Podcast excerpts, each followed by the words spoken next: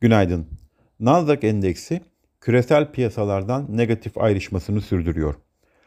Atlanta Fed Başkanı Rafael Bostic, faiz arttırımlarının ekonomiyi resesyona sokmayacağına inandığını söyledi.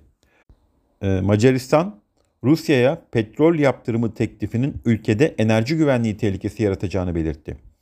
Yeni Zelanda Merkez Bankası enflasyonla mücadele etmek için politika faizini 50 bas puan artışla %2'ye çıkardı.